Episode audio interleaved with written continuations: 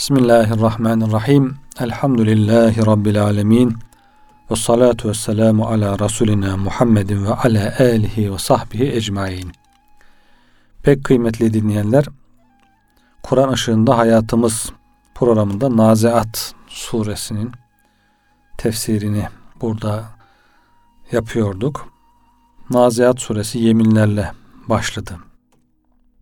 İnsanın hayretlerinden bahsetti. Musa Aleyhisselam'ın Firavun olan tebliğinden bahsetti. Sonra Cenab-ı Hakk'ın nimetlerinden bahsetti. Kıyametin dehşetine gelmişti. فَاِذَا جَاءَتِ الطَّامَّةُ الْكُبْرَى Her şeyi alt üst eden o büyük felaket geldiğinde diye insanların dünyada gördükleri nimetleri, kudret tezahürlerini, gösterdikten sonra uyarıyor tabii ki Cenab-ı Hak. Kıyametin gelişinden bahsetmişti. O zaman insan yevme yetedekkerul insanu ma insan yapıp ettiklerini o zaman anlar, hatırlar, idrak eder demişti. Ve burrizetil cahimu limen yara gören kimse için cehennem açıkça ortaya çıkarılır, gösterilir demişti. Kıyametin kopuşu, insanın olayları anlaması, cehennemin görülmesi sonra iki grup insana geldi. Emmâ men dağa tuğyan eden, azgınlık yapan kimseye gelince onun hali ne olacak? Bu dehşetli kıyamet gününde azgınlık yapan insanın hali ne olur? Böbürlenene, Allah'a itaatten yüz çevrene, meşhur Nadır ve babası Haris gibi küfür ve azgınlıkta azıp isyanda haddi aşan kimselere gelince yani daha önceki tarihten işte Firavun, Nemrut gibi şahıslar Peygamber Efendimizin hayatından Ebu Cehil gibi Ebu Leheb gibi Nadir bin Haris Nadir bin Haris de gidip İran'dan bazı hikayeler İsfendiyar hikayeleri dinliyor, geliyor Peygamber Efendimizin peşinde geziyor. Peygamber Efendimiz insanlara İslam'ı tebliğ ettikçe diyor ki onu bırakın ben ondan daha güzel hikayeler anlatırım size diye başlıyor. İşte o saçma sapan İsfendiyar İran hikayelerini anlatmaya böylesine bir azgın tuğyan içerisinde bir müşrik. Nadir bin Haris demek ki babası da kendisi gibi. Böyle olanlara gelince ve etheral hayate dünya bunların bir özelliği tuğyan azgınlık. Diğer özelliği dünya hayatını tercih etmek. Dünyayı yaşayalım. Dünyaya bir daha mı geleceğiz? Peki ahirete iki defa mı gideceksin? Ahirete de bir defa gidiyorsun. Onun için dünyaya sarılan dünyayı tercih eden kimseler bunlar. Dünyayı tercih edenler ve uçup giden fani dünya hayatını ahirete tercih eden kimseler ve dünyada dünya nimetlerinden faydalanmaya dalıp iman ve itaatle ebedi ahiret hayatına hazırlanmayana, hazırlığı unutana, şüphesiz bunlar için cehennem tek barınaktır. Fe innel cehime hiyel me've. İşte azgın ve dünyayı tercih edenin barınağı o kıyamet günü, o dehşetli günde cehennem olacaktır. El me'va kelimesinden maksat onun sığınağı demektir. Sığınak. İşte böyle bir kimseye cehennem tek barınaktır. Fe innel cehime hiyel me've. Cehennem işte cehennem onun barınağıdır. Asi olan mümin oradan çıkacak ama kafir çıkamayacaktır. Allah korusun mümin de günahları sebebiyle oraya düştüyse cezasını çektikten sonra oradan kurtulacak. Ama kafirin tek barınağı orası olacak. Dolayısıyla buradaki ifade kafir hakkındadır. Aynı zamanda bu ifade bir öğüt ve uyandırıcı bir ibrettir. İnsan on tüyler diken diken olur bunu hatırlayınca, bunu okuyunca ve e, oraya düşmemek için ne yapması gerekiyor onu düşünmeye başlar. Kendisini ona e, ondan kurtarmak için gayret etmeye başlar, tedbirlerini alır. Allah Teala Kur'an-ı Kerim'de la havfun aleyhim ve lahum yahzenun buyuruyor. Onlar için korku ve hüzün yoktur diye defalarca tekrar ediyor. O dehşetli günde öyle dehşet anlatılıyor ki ayet-i kerimelerde o dehşetli günde korku duymamak için korkanlardan olmamak için ne yapmak gerektiğini o ayet-i kerimeler bizlere e, bildiriyor, haber veriyor. Onlardan hareketle o korkulardan kurtulmaya çalışmak lazım. Birinci tip insan bu. Azgın ve dünyayı tercih eden insan.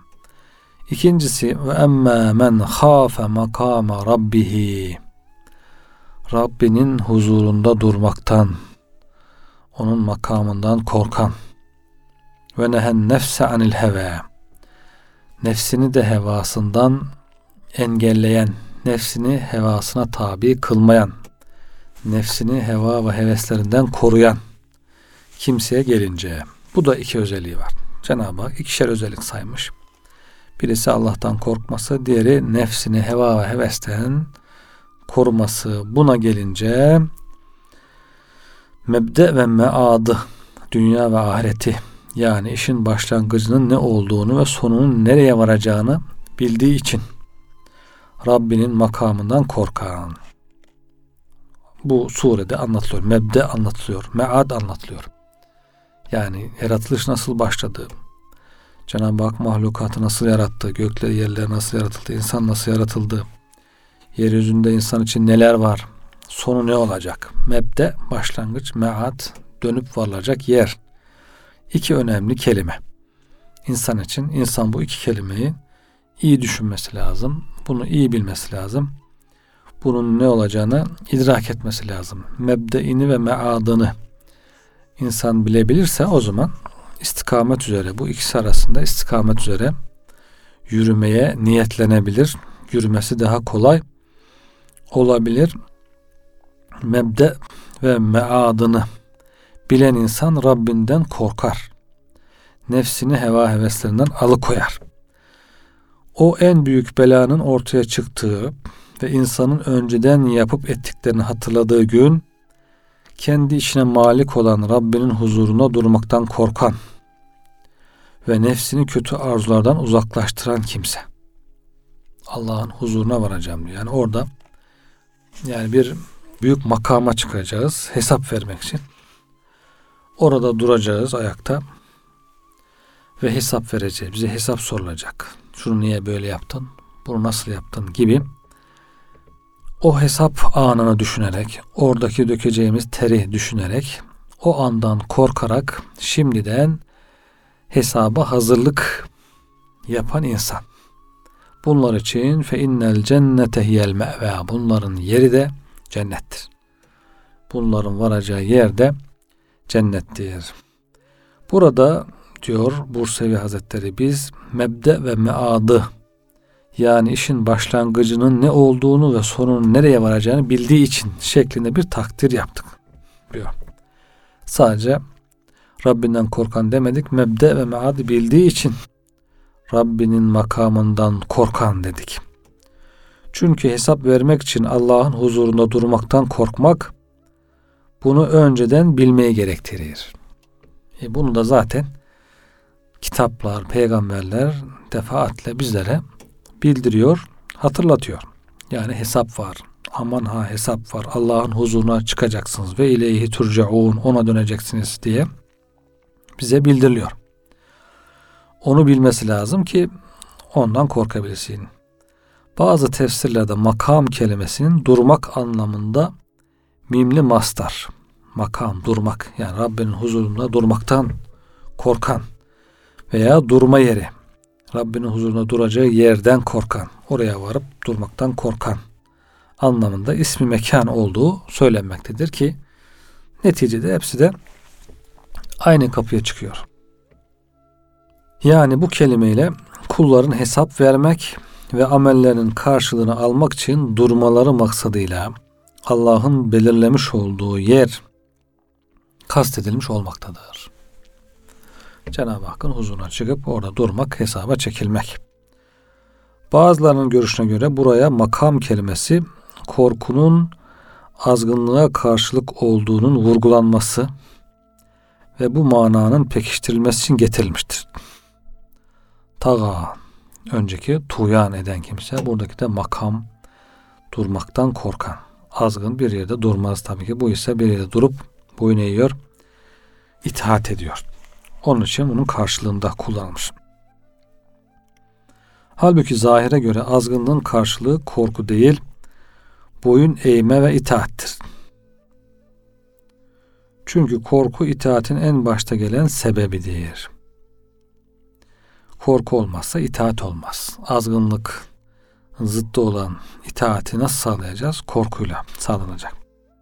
İkinci sebebi reca, ümit, ummadır. İtaatin. Üçüncü sebebi de muhabbettir, sevgidir.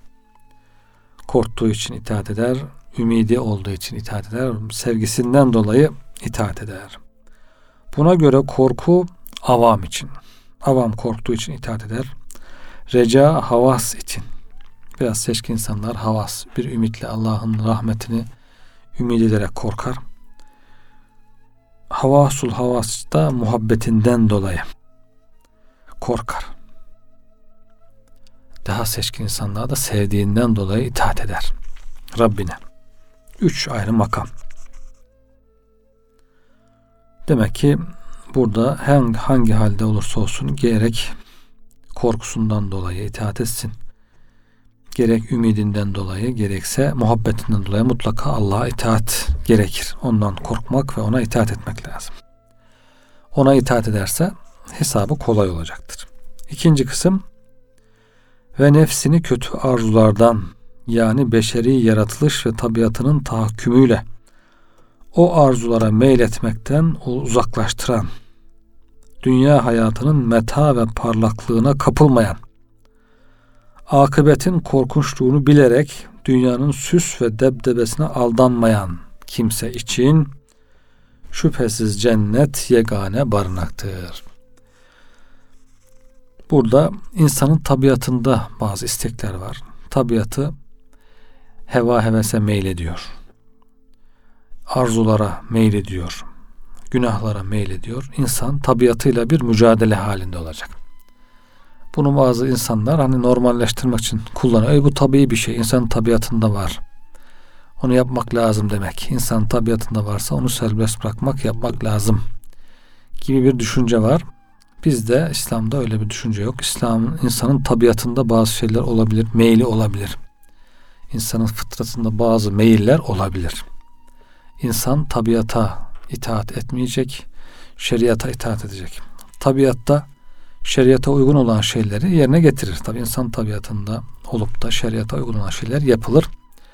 İnsan tabiatı meylinde olup da şeriata uygun olmayan şeyleri de şeriata uyduracak imtihan da zaten bu noktada oluyor.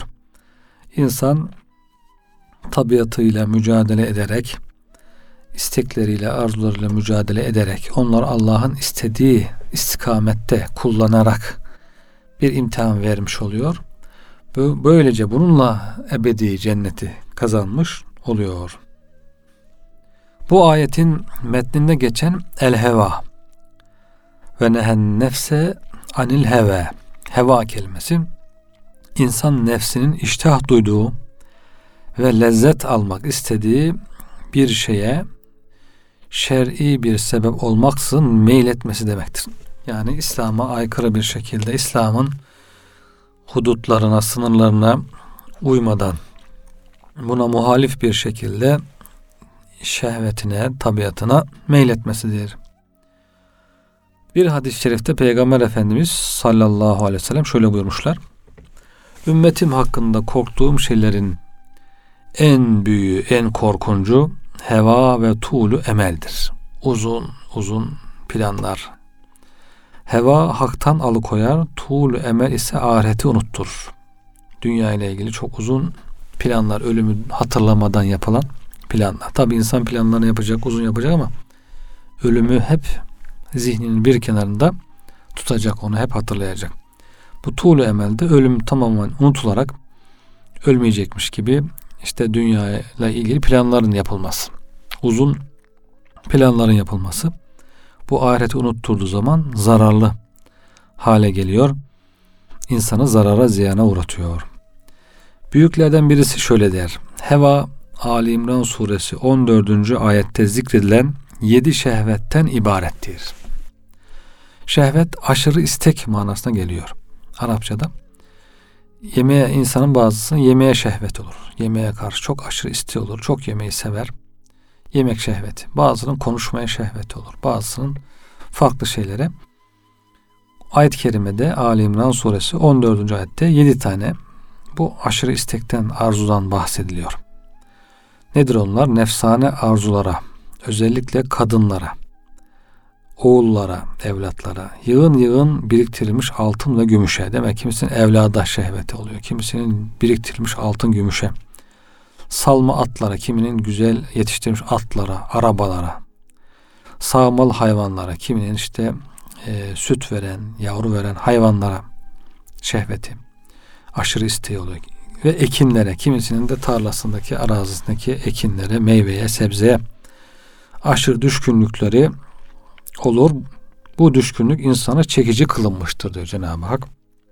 İnsan bunlara meyleder. İşte bunları terbiye etmek lazım. Bunları itidalle kullanmak lazım. Bunları helal hudutları dairesinde kullanmak lazım. Bir insan işte kadına olan şehveti sebebiyle haramlara dalmaması lazım. Evlada mala mülke, işte hayvanlara, arabaya, ekine, e, kazanca olan şehvet sebebiyle haram helal dinlemeden, sınır tanımadan böyle bir e, çalışmaya, koşmaya girmemesi lazım. Bunları hep e, İslam'ın çizdiği sınırlar dairesinde gerçekleştirmesi lazım. İnsana verilen bu meyillerin, şehvetlerin de helal dairesinde tatmin edildiği yerler var. Tamamen bunlar hani Allah Teala insana insanın fıtratına meyiller vermiş, bunu da yasaklamış. Sanki ona işkence etmek ister gibi, azap etmek ister böyle bir şey yok. Ona meyil verdiyse onun helal yolunda vermiş. Ama insan onu helalla yetinmeyip tabi şeytanın ve nefsin isteğiyle daha fazla olsun, daha çok olsun diyerek helal sınırlarını aşarak haramlara, haram bölgeye geçirmeye çalışıyor. İşte eh, elhekumut tekâthur, çokluk yarışı sizi helak etti. Daha çok olsun, daha çok zevk alayım. Her zaman zevk alayım, daha lezzetli olsun, daha zengin olayım, daha çok malım olsun gibi bu çokluk yarışı daha çok olsun. Nefsin isteğinde bu var hep. Daha çok olsun, daha fazla olsun diye.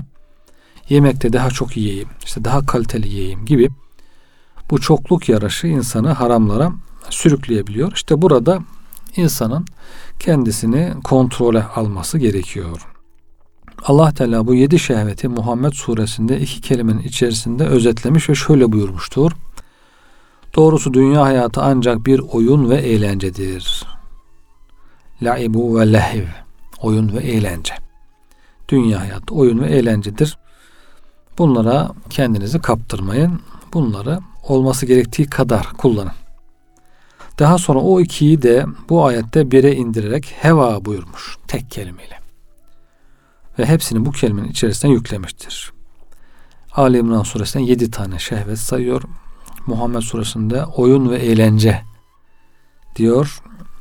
Ee, burada da heva kelimesi. Nefsin istekleri. Bugün de insanlar ne kadar heves ediyor. Eğlence merkezleri, oyun ve eğlence merkezlerinin açılması. Bunu bir hak olarak görüyorlar. Bunu bir insanın tabii bir e, isteği olarak görüyorlar. Bu olması gereken bir şey. En ciddi iş bakıyorsunuz bugün insanlar için en ciddi iş her şeyden önce oyun ve eğlence merkezlerinin açılması gündeme geliyor. Niçin bu insanın işte e, yapması gereken birinci işmiş gibi. Halbuki Cenab-ı Hak dünyayı böyle oyun ve eğlence olarak tasvir ediyor ve siz diyor kendinizi bu oyun ve eğlenceye kaptırmayın.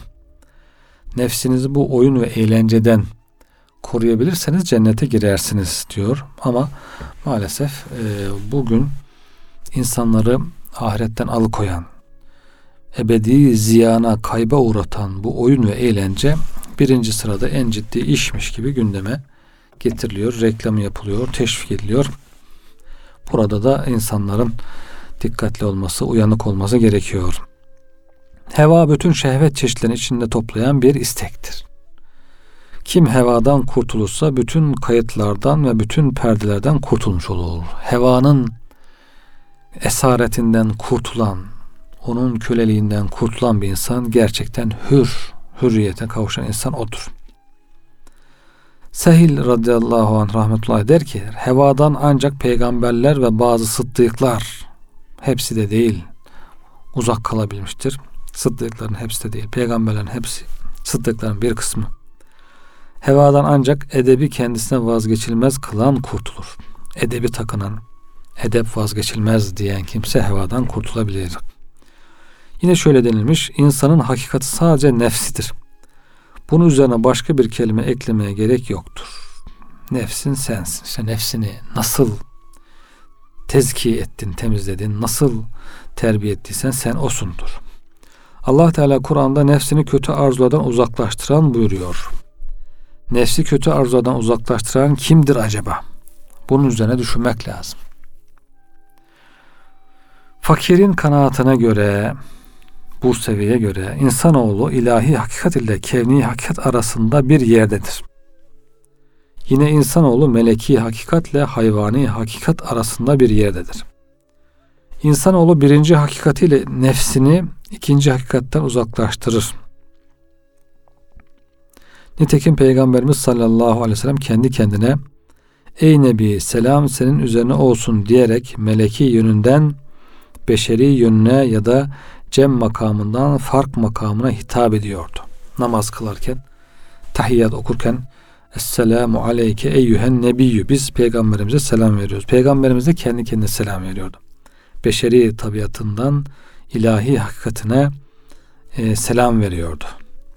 İnsan demek ki e, birinci hakikati ilahi hakikatiyle nefsini ikinci hakikattan uzaklaştırır. Kevni hakikattan e, bu yaratılış maddi hakikatinden uzaklaştırır, terbiye eder. Yani ruhuyla bedenini terbiye etmesi lazım insanın. E, ruhuyla nefsini terbiye etmesi lazım. Ruhunu galip kılması lazım. Meleki hakikatini hayvani hakikatin üzerine çıkarması lazım. Şüphesiz cennet yegane barınaktır ifadesiyle şüphesiz başkası değil cennet onun için barınaktır. Böyle bir kuvvetli, tahsisli bir ifade var. Mana bu mana kastediliyor. Çünkü fasık mümin cehenneme girebilir veya girmeyebilir. Sonra sonra cennete girer. Nihayetinde cennete girer. Şu halde onun hakkında onun yeri sadece cennettir demek doğru olmaz. Ancak buradaki hasır anlamıyla cennet içine girenin hiç çıkmayacağı bir makamdır anlamını kastedersek o zaman bu hasır fasık mümin içinde doğru olur. Asıl onun yeri cennettir. Bu birinci manada cehenneme girmeden cennete giren müminler içindir. Ama sonunda çıkmayacağı yer anlamını alırsak bu fasık mümin için de geçerlidir. Bazı tefsirlerde ifade olunduğuna göre buradaki cennetten maksat mutlak olarak sevap yurdudur. Bu takdirde ayet-i kerime Rahman suresindeki Rabbinin huzurunda durmaktan korkan kimselere iki cennet vardır. Ve limen khâfe makâme rabbihi cennetan. Rabbinin huzurunda durmaktan, hesap vermekten korkana iki cennet vardır. Burada aynı hafe makama rabbihi iki yerde geçiyor. Hem Rahman suresinde hem Naziyat suresinde hafe makama rabbihi ifadesi geçiyor. Bu ayetle herhangi bir çelişki yoktur. Çünkü böyle bir kimse için Allah'ın lütfu ve ihsanıyla sevap yurdunda iki cennet olacaktır. Birisi cismani nimetlerle nimetlenme cenneti, diğeri ise rahmani lezzetlerle lezzet alma cennettir. Bu ayet bir günah işlemeye niyet eden ve bu günah işlemeye gücü yettiği halde Allah'tan korkup nefsinin istemesine rağmen bu işten el çeken kimse hakkındadır. Bir günah işleme arzusu geliyor. imkanı da var ama Allah korkusu bundan geri çekiyor. Bu bu insanları diyor tarif ediyor. Nefsin bir nefesliğine olsun senin emrine girerse bu cennetin kendisidir şüphen olmasın. Şair öyle demiş. Nefsin diyor senin emrine girerse bu cennettir. Nefs her bir nefesi aşağı tarafa çeker. Kim nefsinin hilafına bir nefes çekerse kurtulur. Nefis aşağı doğru asılır diyor insan devamlı. Her nefes aşağı çeker.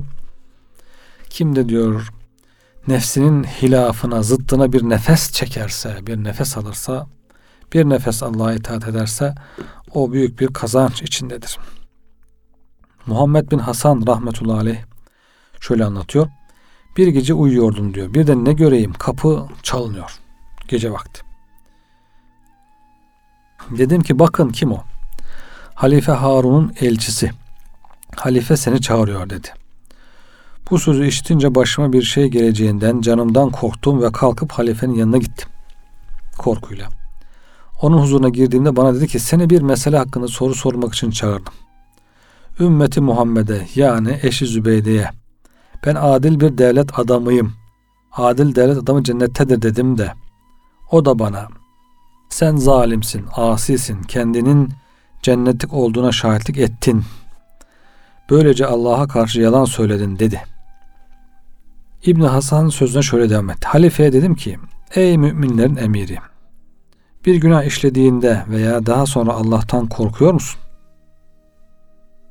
Günah işlediğinde veya günahtan bir müddet sonra Allah'tan korkuyor musun? Hiç içinde Allah korkusu var mı?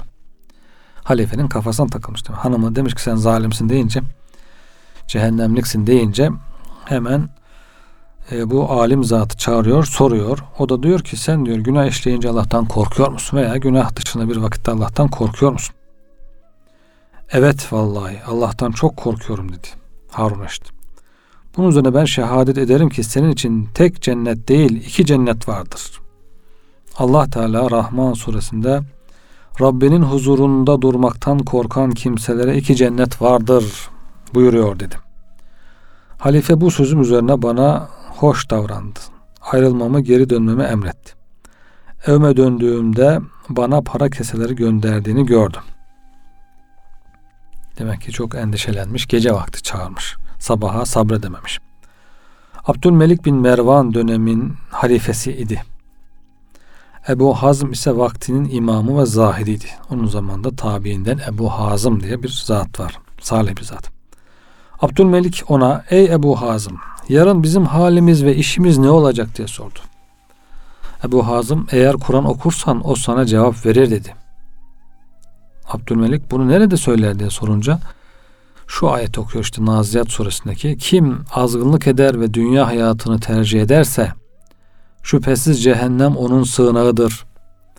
Kim de Rabbinin huzurunda duracağından korkar ve nefsini arzularından alıkoyarsa şüphesiz cennet onun sığınağıdır. İki grup insan. İşte diyoruz yarın ne olacağını bu ayetler sana bildiriyor. Bil ki dünyada şehvet ateşi taşıyan her nefesin karşılığı ahirette cehennem ateştir. Ebu Hazım hakikaten hikmet ehli bir zat. Her cümlesi hikmet dolu. Diyor ki dünyada şehvet ateşi taşıyan her nefesin karşılığı ahirette cehennem ateşidir. Gayrimeşru şehvet, haram yönde bir şehvet ateşinin karşılığı cehennem ateşidir. Kim bugün şehvet ateşiyle yanarsa yarın cehennem azabında erir. Kim de bugün riyazet ve mücahede suyu ile şehvet ateşini söndürürse yarın rahmet suyu ve marifet nuruyla cehennem ateşini söndürür. Cehennem öyle bir duruma gelir ki müminin marifetinin nurundan feryat ederek çabuk geç ey mümin nurun ateşimi söndürüyor der. Cehennemin üzerinde sırat köprüsü oradan geçerken müminin nuru, nur nardan, ateşten daha güçlü olduğu için ateşe zarar veriyor nur. Cehennem diyor ki mümin çabuk geç senin nurun benim ateşimi azaltıyor. Bunun gibi dünyada her müminin gönlünde irfan denilen bir cennet olduğu gibi ukbada da rıdvan denilen bir cennet vardır. İnsanın gönlündeki irfan da bir cennettir. Allah'ı tanımak da bir cennettir diyor. Hissederek söylüyor hakikaten bu cümleleri insanın Allah'ı tanıması ne büyük bir cennettir. Kim dünyadaki irfan cennetini taat süsü ile bezerse, itaat Allah'a itaat süsüyle irfan sahibi olur ve itaat ederse, yarın rıdvan cennetine ulaşır. İmam Kaşani bu son ayetleri şöyle anlıyor. Azan yani insani fıtrattan sapana, adalet ve şeriatın sınırını aşıp behimi, hayvani veya yırtıcı, yırtıcılık rütbesine geçen, yırtıcı hayvan gibi olan öyle insanlar yok mu? Bugün hakikaten yırtıcı hayvan gibi bakıyorsunuz. İnsanda özellik var diyor. Terbiye edilmezse nefis yırtıcı hayvan gibi olur. Ve bu azgınlığında ileri gidene ve dünya hayatını ahirete tercih edene ve süfli lezzetlerin muhabbetiyle hissi hayatı hakiki hayata tercih edene şehevi lezzetler peşinde koşan manevi irfani lezzetler peşinde koşmayana şüphesiz cehennem tek barınaktır. Şüphesiz cehennem onun varıp dönecek olduğu yer ve sığınağıdır. Rabbinin makamından korkan yani kalp makamına terakki ederek onun kendi nefsini kayyumiyetini müşahede ederek kalbi üstün getiren ruha, ruhu nefse üstün getiren Rabbinin makamından korkan ve nefsini kötü arzulardan uzaklaştıran yani nefsini onun ikabı ve kahrı ile heva ve hevesine uymaktan uzaklaştıran için ise şüphesiz cennet yegane barınaktır. Cennet derecelerine göre onun barınağıdır. Herkesin derecesine göre. Bazı alimler derler ki bu ayet ile sülük mertebelerinde mübtedi kimsenin haline işaret vardır. Seyri sülükun başlangıcında olan insanların haline işaret vardır demişler. Tasavvuf erbabı.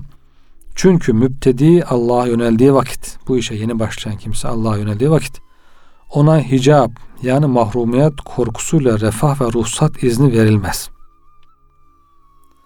Refaha fazla böyle nefse hoş gelecek, oyun eğlence olacak şeyler izin verilmez ki Allah'tan uzak kalmasın, Allah'tan perdeli kalmasın diye.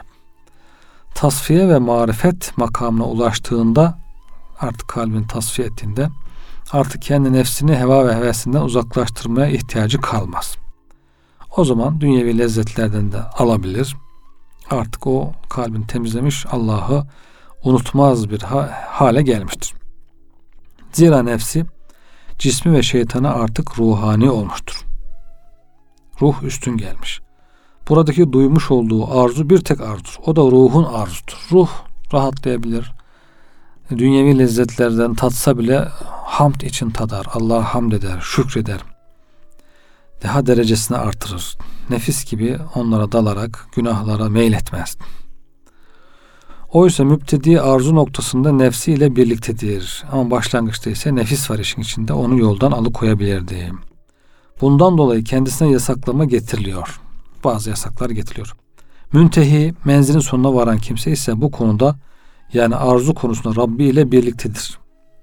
Kim Rabbi ile birlikte olursa onun şehveti gerçek ve makbul lezzete dönüşür. Yani nefsin lezzetlerini, hevasını nefsiyle birlikte isteyen insanla Rabbi ile birlikte isteyen insan arasında fark vardır diyor. Müptedi nefsiyle istediği için yoldan dönme kayma tehlikesiyle karşı karşıyadır. Ama nefsini arındıran insan, insan ise her şeyini, dünyanın bütün nimetlerini, lezzetlerini, her şeyini ibadete çevirebildiği, Rabbinin rızasını kazanmaya vesile kılabildiği için onun için bu konuda bir sıkıntı yoktur. Cenab-ı Hak hepimize o makama inşallah ulaştırsın kıymetli dinleyenler. Bugünkü programımızı da burada sona erdiriyoruz inşallah. Gelecek programda görüşmek üzere efendim. Allah'a emanet olunuz.